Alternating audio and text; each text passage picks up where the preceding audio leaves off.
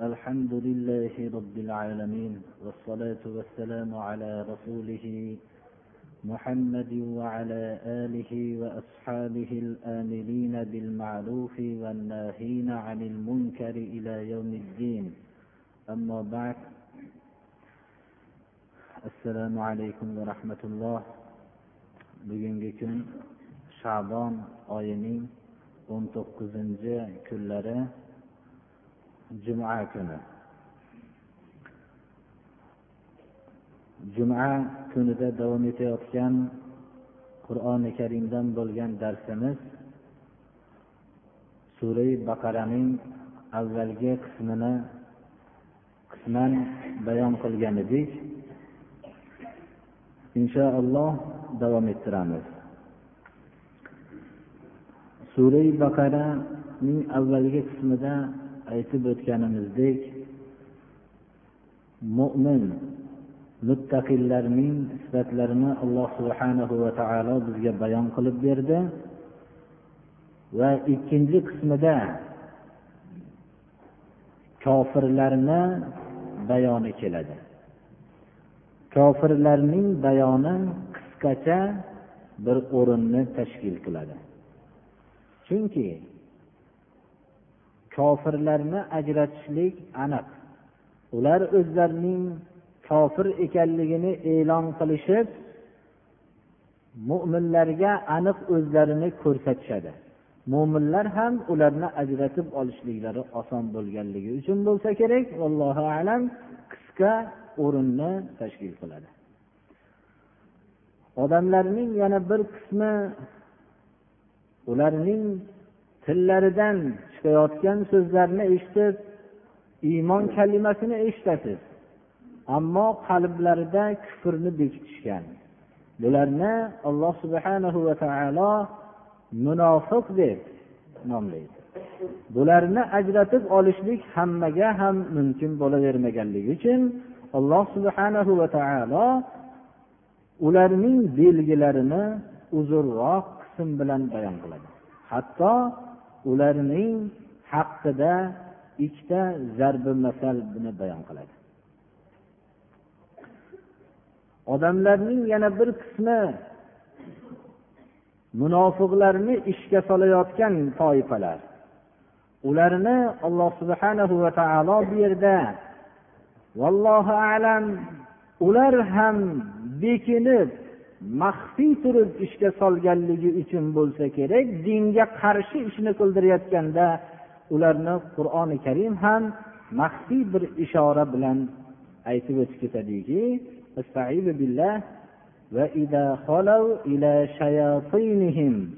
munofiqlarning shaytonlari deb nomlaydi.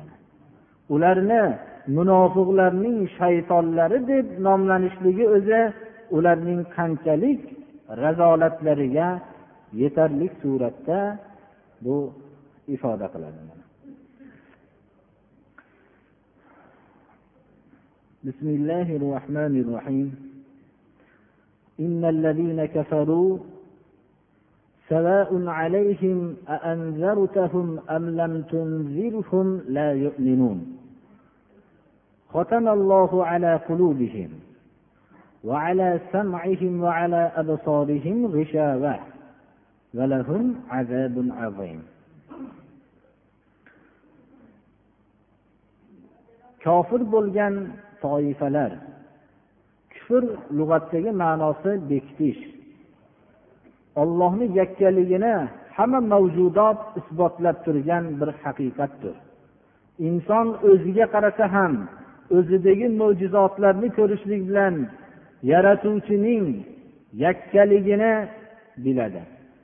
Ollohni qur'on jo'natgan qur'onini tilovat qilsa ham bu qur'ondagi ajoyibotlarni bilib olloh tarafidan nozil bo'lganlik haqiqatini biladi. Ollohning butun borliqqa ochib qo'ygan koinot kitobiga qarasa ham bu koinotdagi butun nizomlarning bir butunligi yakka olloh tarafidan yaratilganligiga bo'lgan haqiqatni ham biladi. Mana bunday ochiq haqiqatni bekitganligi uchun shuni ko'rmaganligi uchun alloh subhanahu va taolo ya'ni haqiqatni bekitib haqiqatni inkor qilgan toifalarni kofirlar deb yod qilyapti janobi rasululloh sollallohu alayhi vasallamning risolatlari ham bir ochiq oydin haqiqat edi maktabda o'qimagan ummiylar ichida tug'ilib voyaga yetgan biror bir ustozni ko'rmagan zotdan butun hayotning qiyomatgacha bo'lgan manhajini ko'rsatuvchi yo'lni o'zgarmas qonun bu kishidan sodir bo'lgan zotning olloh tarafidan elchi qilib jo'natilinganligi haqiqati ham bu hech inkor qilib bo'lmaydigan haqiqat edi. Mana buni inkor qilganlar haqiqiy kofirlar bular haqiqatni bekitganlar. Ana shunday ollohning oyatlarini va janobi rasululloh sollallohu alayhi vasallamning risolatlarini bekitib buni xalq bilishlik oldini to'sib to'sqinchilik qilgan shu kofirlar bular siz ogohlantiringu ogohlantirmang barobar. Ular iymon keltirishmaydi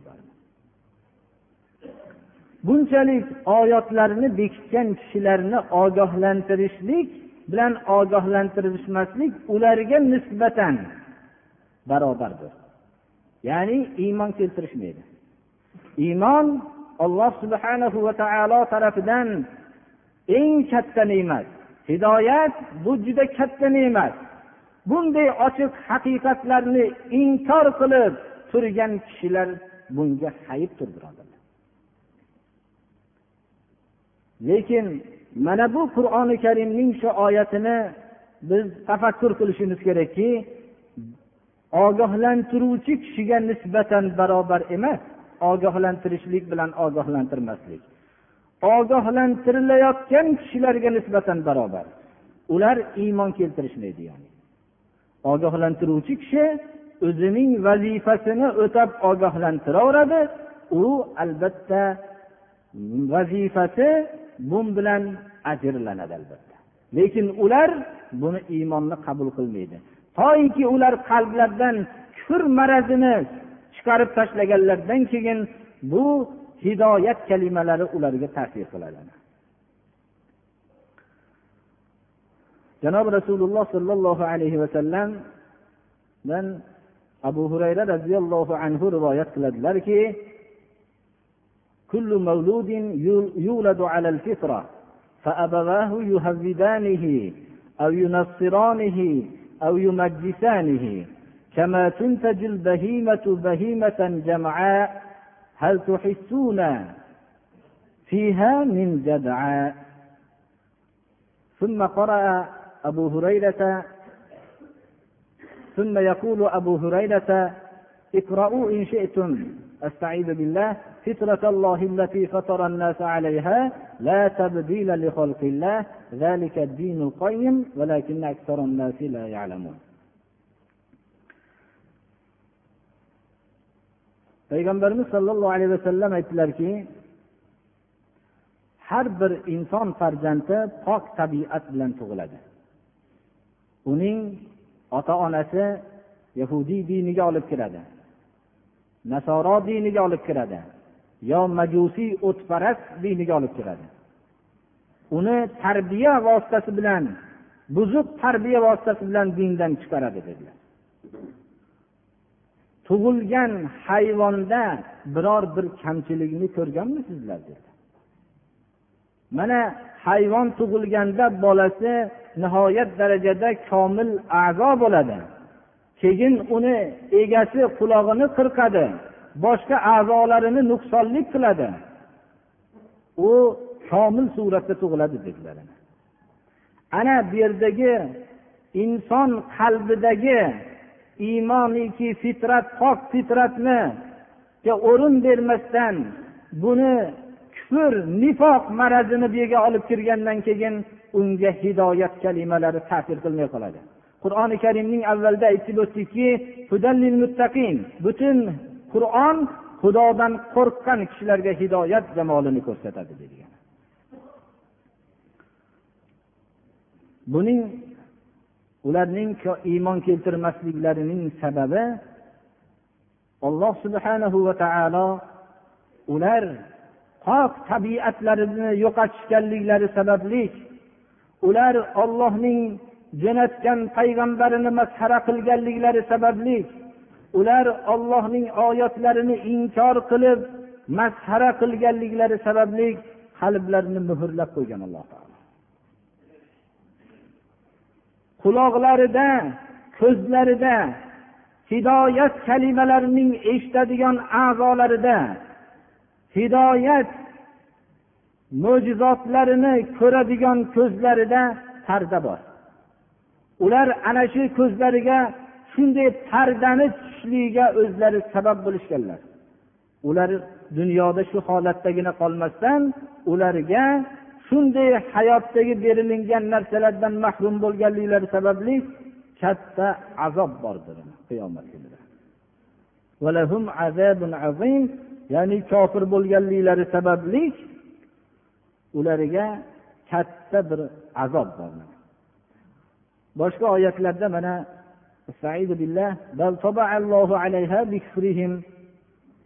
olloh ularning qalblarini muhrlab qo'ydi kofir bo'lganliklari sababli muhrlanishlikka ularning kufrlari sabab bo'ldi deyapti استعيذ بالله ولو شاء ربك لآمن من في الأرض كلهم جميعا أفأنت تكره الناس حتى يكونوا مؤمنين alloh subhanahu va taolo hayotdagi farishtalarni hammasini xohlashsalar ham xohlashmasalar ham hidoyat yo'lida yuradigan qilib yaratdi. Boshqa hayvonot olamini ham xohlasa ham xohlamasa ham bir hayot yo'nalishida ketadigan qilib yaratdi. Ularga erk bermadi. Lekin insonni alloh subhanahu va taolo erklik ixtiyorlik qilib mukarram qildi. Uning hidoyatni o'zining ixtiyori bilan tanlab oladigan maxluq qildi. Zalolatni ham ixtiyori bilan tanlab oladigan maxluq qildi. Agar u o'zining pokiza tabiatiga joylashgan fitrat asosida yo'l tutib ollohni yuborgan oyatlarini qabul qilsa alloh subhanahu va taolo uni to'g'ri yo'lga yo'llab qo'ydi. Agar oyatlarni masxara qilsa butun islomni masxara qilsa olloh uni adashtirishlikni xohladi. Mana bu oyatda aytyaptiki agar olloh xohlaganda hamma odamlarni inson qilmasdan maloika tabiat qilib yaratib hammalarini to'g'ri yo'lga yo'llagan bo'lardi. Lekin insonning inson bo'lishligini xohladi. Insonga butun mavjudot o'rtasida ixtiyorlik sifatli qilib yaratdi. Xohlasa mana shu ixtiyori bilan hidoyat yo'lini tanlaydi xohlasa zalolat yo'lini tanlaydi. Mana bu yerdagi qalblarini alloh taolo muhrlab qo'ydi. Kofir bo'lganliklari sababli. Mana boshqa oyatlar kofir bo'lganliklari sababli olloh qalblarini muhrlab qo'ydi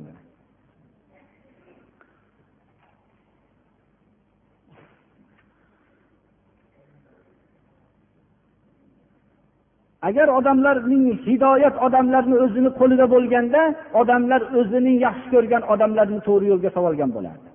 ularning qalblarida kufr nifoq marazi turgandan keyin sizning hidoyat kalimalaringiz bilan ular foydalanmaydi lekin siz foydalanaverasiz yetkazish vazifasini o'taverasiz mana bunda odamlarning yana bir qismi استعيذ بالله ومن الناس من يقول آمنا بالله وباليوم الآخر وما هم بمؤمنين odamlar ichida shunaqa odamlar borki ollohga iymon keltirdim deydi Qiyomat kuniga iymon keltirdim deydi.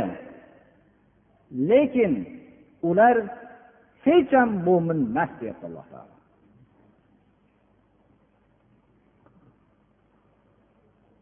Og'izlari bilan ollohga iymon keltirdim deb qiyomat kuniga iymon keltirdim degan kishilarni qalblarida boshqa narsa bekinib turganligi uchun ular qalblari bilan shu narsani aytmaganligi uchun alloh subhanahu va taolo ularni hech ham mo'min emas deb aytyapti ularning hayotdagi yo'llari hatto bular aldov yo'lini tutishgan. Aldash ollohni aldashlikka ham harakat qilishadi. Ollohga aldov muomalasini qilishadi. Iymon keltirgan kishilarga ham shu muomalani qilishadi. Ularning tutayotgan ishlari aldov hammasi. Shu ularning aldovlari ollohni aldayman deyishlari mo'minlarni aldayman deyishlari foyda beradimi? Ular faqat o'zlarinigina aldashadilar bu muomala bilan. Lekin ba'zi aldayotgan odamlar o'zlarini aldanayotganligini bilishadi. Bular o'zlarini aldashlik bilan birga ham aldovchi bo'lishlik bilan birga ham nodonlardirki shu darajada nodonliklari martabasiga chiqishganki ular o'zlarini aldayotganliklarini ham sezishmaydilar. Mana bu oyat kalimada rasululloh sollallohu alayhi vasallam madina munavvarada atroflarida ashaddiy dinga qarshi bo'lgan yahudlar turardi va shular bilan birga maslahatlashayotgan munofiqlar turardi. Butun qurshovda yashardilar. Ana shu vaqtda alloh subhanahu va taoloning mana shu oyat kalimasida bir chuqur mazmun turibdiki mo'minlarni aldayotgan kishilarni alloh subhanahu va taolo o'zini aldashlikka harakat qilayotgan kishilar safida deb sanayapti. Olloh kalimasiga atf qilinyapti. Bu mo'minlar uchun juda katta bir marhamatki ey mo'minlar sizlarni aldayotgan odamlardan xotirjam bo'linglar. Ular sizlarni aldayotgan vaqtda men sizlarning safinglardaman degan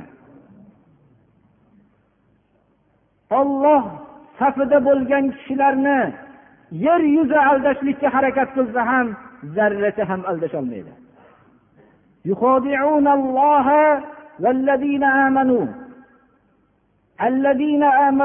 olloh kalimasiga asf qilinayotganligini agar mo'min kishi ochiq qalb bilan o'qisa butun olamdagi mashaqqati yo'qolib ketadi. Chunki olloh o'zining safiga qo'yib turib aytyapti iymon keltirgan kishilarni.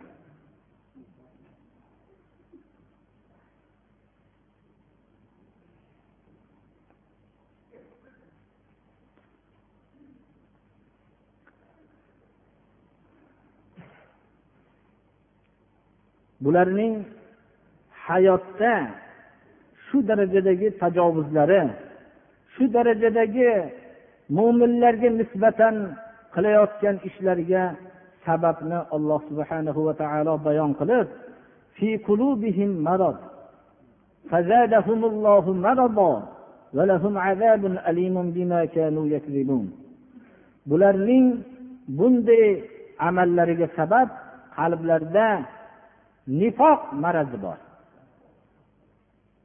Ular shunday hidoyat qiluvchi payg'ambar kelganda payg'ambarga nozil bo'layotgan oyatlarini masxara qilishliklari bilan ularning qalblarida maraz sababli shunday qilishganligi uchun alloh subhanahu va taolo ollohni yo'lini masxara qilganlarning qalbidagi marazga yana marazni kuchaytirdi. Ularga olloh bu nifoq marazlariga yana marazni kuchaytirdi. Hayotda ular butun aldov bilan yashaganliklari sababli tillari bilan iymon aytib qalblarida nifoq turib va kofirlar bilan o'rtada maslahatlashib mo'minlarning zarariga ish qilganligi uchun alloh subhanahu va taolo dunyoda bunday qilgan bo'lsa oxiratda ularni alamlantiruvchi azob bilan azoblaydi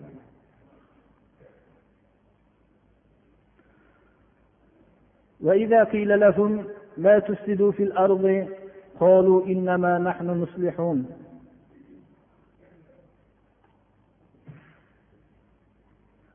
ularga aytilsaki yerda buzg'unchilik qilmanglar Yerda kufr bilan buzg'unchilik qilmanglar. Ma'siyat bilan yerda buzg'unchilik qilmanglar deyilsa ular buni javobiga biz islohchilarmiz deyishadi. Biz isloh ishini qilyapmiz deyishadi. Dunyoda biror bir buzg'unchi qilgan kishini men buzg'unchilik qilyapman deganligini eshitganmisiz? Kufr bilan kufrni odamlarga shoya qilayotgan odam o'zini islohchi sanaydi butun olloh harom qilgan narsani ichayotgan odam men iqtisodiy tarafdan meni olayotgan bu ichimligim bilan katta manfaat hosil bo'lyapti deydi. Men isloh ishini qilyapman deydi. Hamma buzg'unchilar o'zini islohchi deb davo qiladi. Ularga mana yerda buzg'unchilik qilmanglar deyilsa biz faqat biz islohchimiz deyishadi. Arab qoidasini bilgan kishilar bilib turibdi isloh qilish faqat bizgagina cheklangan degan bizdan boshqa yer yuzida islohchi yo'q deb davo qilishadi. Alloh subhanahu va taolo bularning noto'g'ri davolarini nihoyat darajada ta'kid bilan rad qilib ala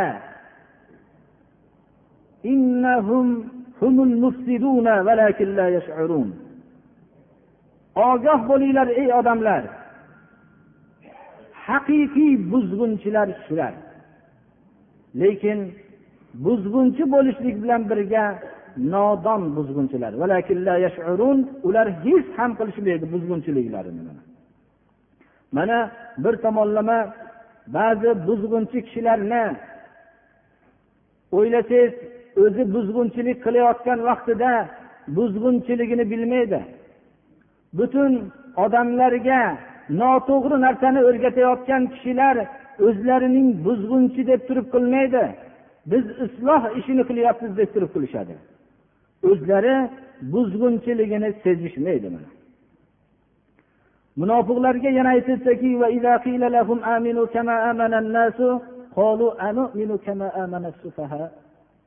ularga iymon keltiringlar. Haqiqiy insonlar iymon keltirganiga o'xshagan. Sizlarning og'zinglar bilan iymon kalimasini aytganga o'xshagan emas haqiqiy qalbi bilan iymon keltirgan rasululloh sollallohu alayhi vasallamning ashoblariga o'xshagan iymon keltiringlar deb aytilsa ular shu nodonlar iymon keltirganga o'xshagan iymon keltiramizmi deyishadi. Nima uchun nodon deyishardi? Janobi rasululloh sollallohu alayhi vasallamning atroflarida avvali islomda yig'ilgan kishilar bechora kambag'allar edi. Qullardan tashkil topgan edi. Suhayb ammor bilol mana bunday kishilar jamlangan edi. Ularning aksarlari qul edi. Nima uchun islomni avvalda shunday kambag'al bechora kishilar qabul qildi? Chunki kambag'al odamlar bechora odamlar mazlum kishilar o'zlarini ham haqiqat bir yo'l bormikin deb orzu qiladi. Ular ustlaridan ezayotgan zolimlarni doim shularni ham jazosini beradigan yo'l bormikin deb orzu qiladi. Islom tamomiy haqiqat yo'lini olib kelgan edi. Mazlumlarning dodiga yetgan edi. Mazlumlar buni tushunishgan edilarda birinchi rasululloh sollallohu alayhi vasallamning atroflariga shunday kishilar yig'ildi zolimlar ham sezishgan edi. Agar bu yo'l g'alaba qilsa biz bunday zulmlardan mahrum bo'lamiz degan edi. Ular ham o'zlarining jonlari boricha makr hiylalari bilan qarshilik qilishgan edi. Mana bu yerda ularni nodon deyishlik ahli davlat kishilar aksar qalblari iymon nuri bilan yorug' bo'lmagan bo'lsa zaif odamlarni nodonlar deb biladi. Hayotda yashashlikni bilmagan kishilar deb biladi. Ana bu yerda ham shu nodonlar iymon keltirganga o'xshagan iymon keltiramizmi deyishdi. Alloh subhanahu va taolo ularni bunday nohaq so'zlarni ham ta'kid bilan rad qildiki ala ey odamlar ogoh bo'linglar. Haqiqiy nodonlar ular. Lekin bilishmaydi nodonliklar. Odamlar to'rt qism bo'ladi deydi ba'zi kishilarki ba'zi kishilar bir narsani bilishadilar. Bilishliklarini ham bilishadi. Bu odamlarning ancha oliylari hisoblanadi. Ba'zi kishilar bo'ladi bir narsani bilishadilar. Lekin o'zidagi shunday bilishlik fazilatini bilmasdan yashashadilar. Ba'zi kishilarda juda katta fazilatlar bor lekin o'zidagi fazilatni bilmasdan arzimas odamlarning oldida xor bo'lib yurishadilar o'zlaridagi fazilatni sezmasdan bu odamlarning ikkinchi qismi. Ba'zi kishilar borki bilishmaydilar o'zlari. O'zlarida ilm yo'q lekin bilmasliklarini bilishadilar bularni tarbiyalasa bo'ladi. Chunki ular bilmaydi haqiqatda lekin bilmasligini biladi.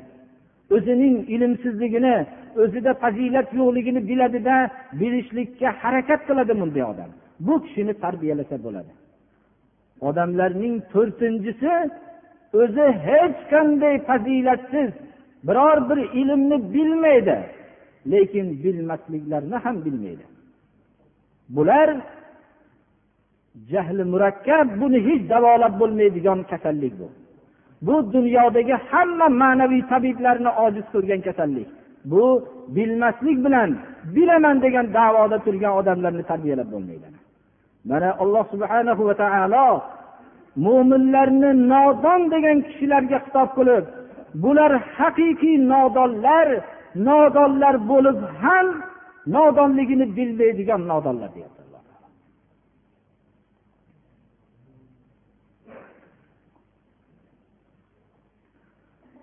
وإذا لقوا الذين آمنوا قالوا آمنا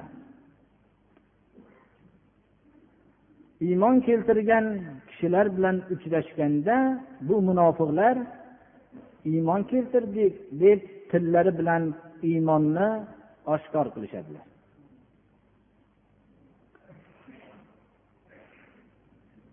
biz ham sizlarga o'xshagan iymon keltirganmiz deb tillari bilan iymon kalimasini aytishadilar وإذا خلوا إلى شياطينهم قالوا إنا معكم إنما نحن مستهزئون agar shaytonlarini bilan birga xoli bo'lib uchrashganda bular biz sizlar bilanmiz deyishadi haqiqiy kofirlar bilan uchrashganda biz sizlar bilanmiz deydi ularga savol qilsa bo'lmasam mo'minlarni ichida nima uchun yuribsizlar deyilsa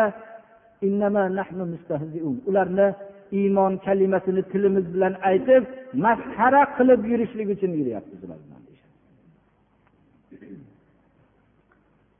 birodarlar mana bunday iymon kalimasini til bilan davo qilib turib kofirlar bilan yurganda ularga boshqacha gaplarni gapirib musulmonlarning zarariga bo'lgan gaplarni gapirib yurgan mana bunday kishilardan bo'lishlikdan saqlanmoqlik kerak.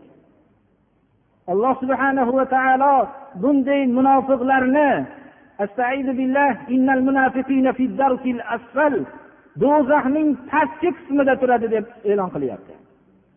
Bular kofirlardan battar bo'lgan kishilar. Bular bu kalimalar bilan ollohni aldamoqchi bo'lgan kishilar. Olloh ular olloh aldab qo'yadi ularni. Ana bu yerda munofiqlar dinga zarar yetkazishlik uchun maslahat qilayotgan kofirlarni qur'oni karim mutlaqgina shayton deb qo'ymasdan munofiqlarning shaytoni deb nomlayapti.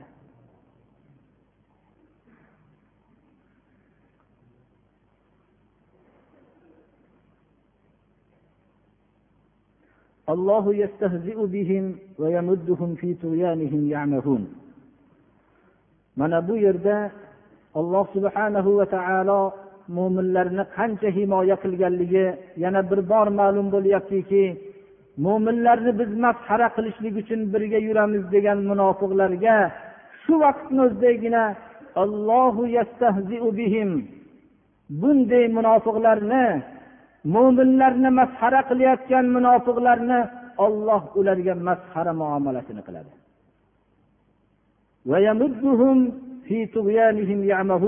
Masxara qilganligi shuki ularning shu tug'yon zalolatlariga muhlatlantirib ularniga shu zalolatlarida o'z holida qo'yib berishligi nihoyat darajada bir masxaradir.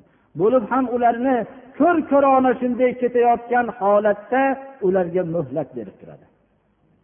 Bir odam ketayotgan yo'li mana hozirgi oyatdan bayon qildik do'zaxning pastki qismiga ketayotgan bo'lsa siz buni o'z ko'zingiz bilan ko'rib turgan bo'lsangiz bir o't bo'lgan jarga qarab ketayotgan bo'lsa siz aniq bilsangiz uni indamasdan turishligingiz nimani ifodalaydi?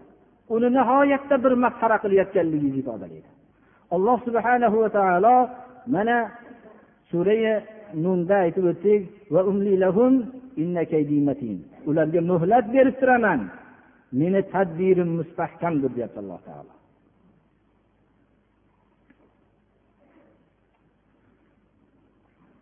أولئك الذين اشتروا الضلالة بالهدى فما ربحت تجارتهم وما كانوا مهتدين bularning shunday achinarli holatda yashayotgan holatlari shunga o'xshaydiki dunyo bir bozorga o'xshatilyaptiki dunyo bozoriga alloh subhanahu va taolo insonlarga qiymatbaho bir hayotlarini bilan hidoyatni sotib olishlikka olloh bu bozorda bizni yaratgan edi.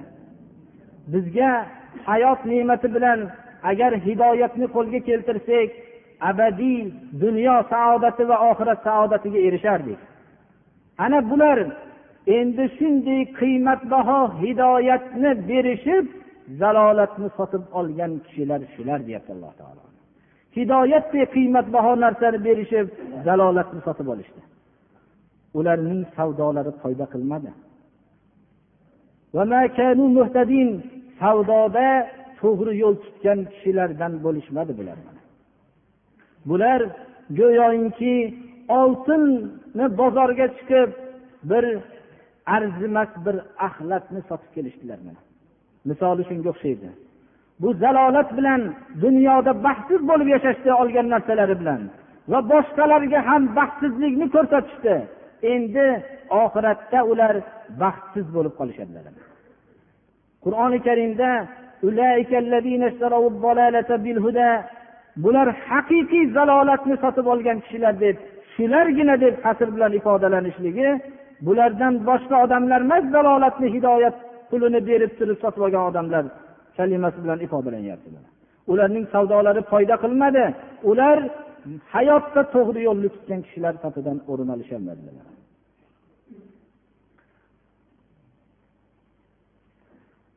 mana qur'oni karimning birinchi qismida haqiqiy mo'minlarni sifatlarini biz o'qib o'rgangan bo'ldik. Ikkinchi qismida kofirlarning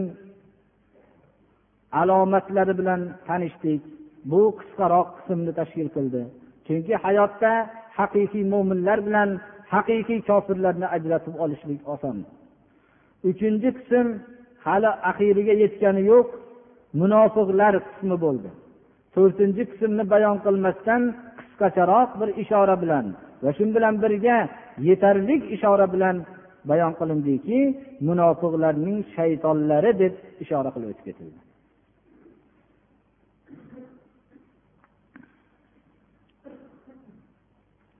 آمين اهدنا الصراط المستقيم صراط الذين أنعمت عليهم غير المغضوب عليهم ولا الضالين alloh taolo haqiqiy muttaqillardan qilsin kofir bo'lishlikdan alloh o'zi saqlasin. Mana payg'ambarimiz sollallohu alayhi vasallam doim duolarida birinchi panoh istaydigan narsalari kufr edi.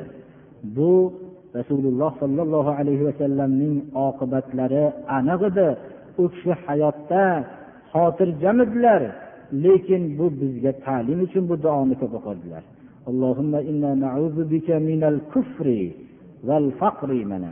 Kambag'allikdan panoh istadilar kambag'allik deb muhtojlikni aytamiz. Birovlarga bandaga muhtoj bo'lib qolishlikni aytiladi faqrdan murod. Bandalarga muhtoj bo'lib qolishlik insonni islomiy axloqlardan mahrum qilib qo'yadi mana. Tamagir qilib qo'yadi. Bu muhtojlik kufrni yonida turadi deyilgan boshqa hadislar bor. Mana bu yerda ham duolarida allohimma inni a'udhu bika minal kufri val faqri dedilar alloh qo'rqoqlikdan o'zi panoh bersin. Dangasalikdan panoh bersin. Hayot fitnalaridan o'zi saqlasin. Azobi qabrdan o'zi saqlasin. Va xor umrga oxirida qaytarilishlikdan o'zi saqlasin. Xor umrning ma'nosi shunday pokiza dinda bo'lib oxirida dinsiz bo'lishlik xor umrlarning eng bu birinchisi bo'ladi birodarlar. Birovlarga muhtoj bo'lib qoladigan xor umr bu narsa. Xor umrni ma'nosi nihoyatda ko'p bu. O'zini keragini o'zi bajarolmaydigan bo'lib qolishlik bu alloh subhanahu va taolo shunday xor umrlardan saqlasin. Allohu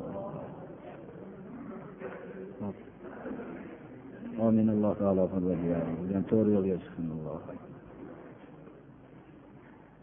Ho'p bir kishi savol kutdilar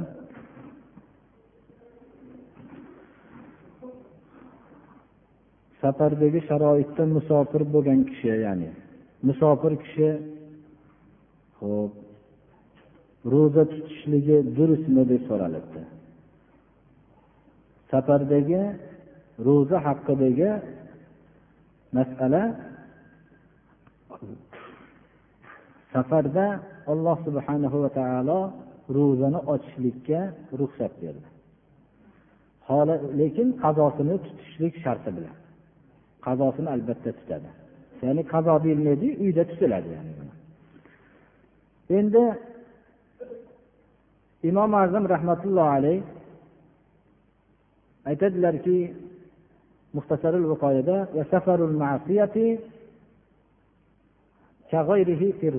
deydilar. Ma'siyat safarlari ham boshqaga o'xshagan ruxsatda deydilar. Ya'ni ittifoqo. Bu kishi aytadilarki mabodo bir kishi ma'siyat safari bilan chiqqan bo'lsa ma'siyat gunoh safari ya'ni. Ko'p kishilar so'raydiki dunyo topishlik uchun safar qilsa ham ro'zasini ochsa ruxsat bo'ladimi degan savol yetadi.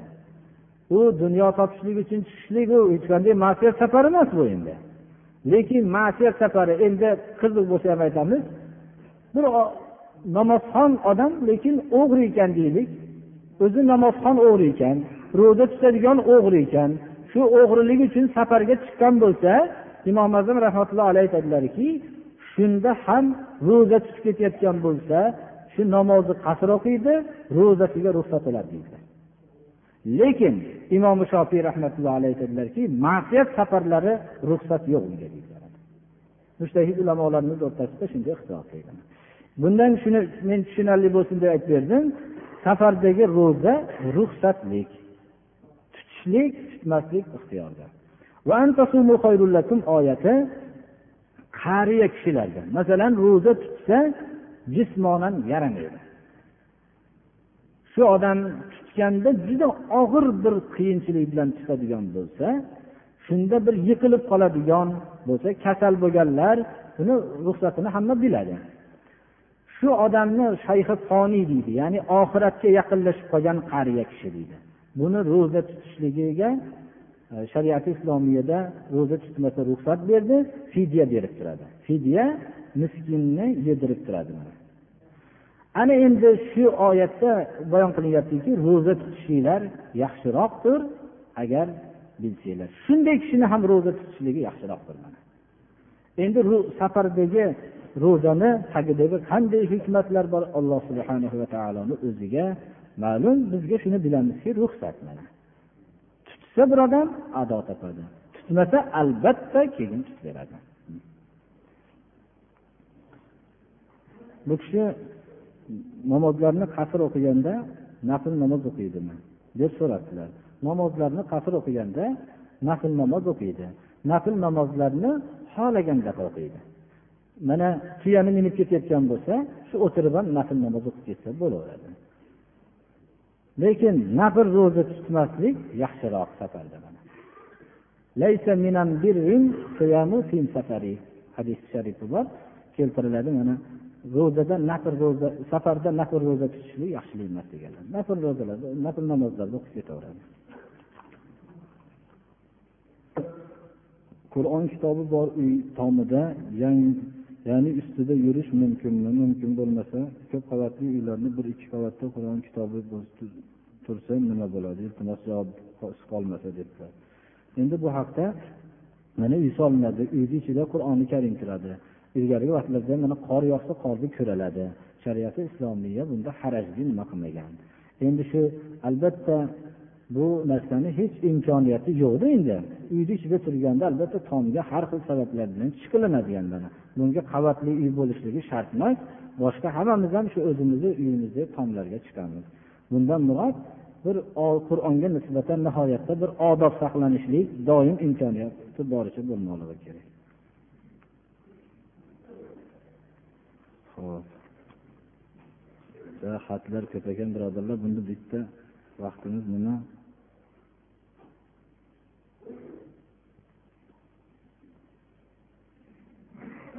Ikkitalarni yana mayli nima bilan ko'rib nima qilarmiz bu abduhab qor akamiz anchadan beri notob ekanlar. Hozir o'g'illari e'lon qilib nima qilishdi bir duo qilaylik u kishi doim nima qiladilar boshqalarni ham duo so'rabdilar. Ba'zilar bir e, kasalligimiz bor shuni duo qilinglar debdilar. Alloh taolo hammalariga shifo tomma bersin. O'zlarini hammalarini din islomda barqaror qilsin.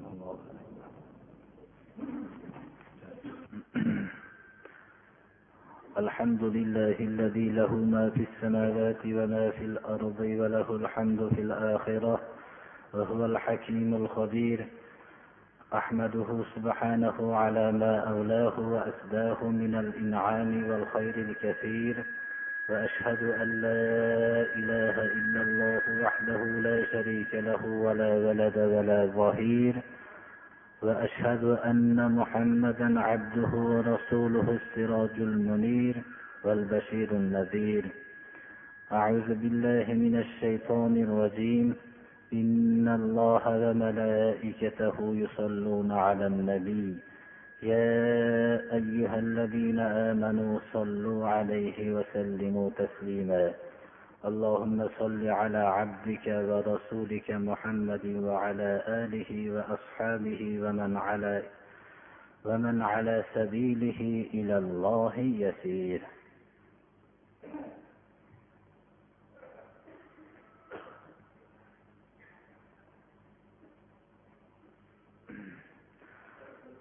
الحمد لله رب العالمين. والصلاة والسلام على رسوله خاتم الأنبياء والمرسلين وعلى آله الآمرين بالمعروف والناهين عن المنكر إلى يوم الدين. اللهم أعز الإسلام والمسلمين وأذل الشرك والمشركين. الرحيم. اللهم تقبل منا إنك أنت السميع العليم. اللهم يسر لنا أمورنا أمور الدنيا والآخرة وأجرنا من خزي الدنيا وعذاب الآخرة. اللهم إنا نسألك العفو والعافية في الدين والدنيا والآخرة. اللهم استرنا بسترك الجميل اللهم احفظنا يا فياض من جميع البلايا والأمراض. اللهم إنا نعوذ بك من الكفر والفقر والجبن والكسل ومن فتنة المحيا ومن فتنة الممات ومن فتنة المسيح الدجال ومن فتنة عذاب القبر وأن نرد إلى أرذل العمر. اللهم أعز الإسلام والمسلمين وأذل الشرك والمشركين. ربنا هب لنا من أزواجنا وذرياتنا قرة أعين واجعلنا للمتقين إماما. وصلى الله تعالى على خير خلقه محمد وآله وأصحابه أجمعين. الله أكبر.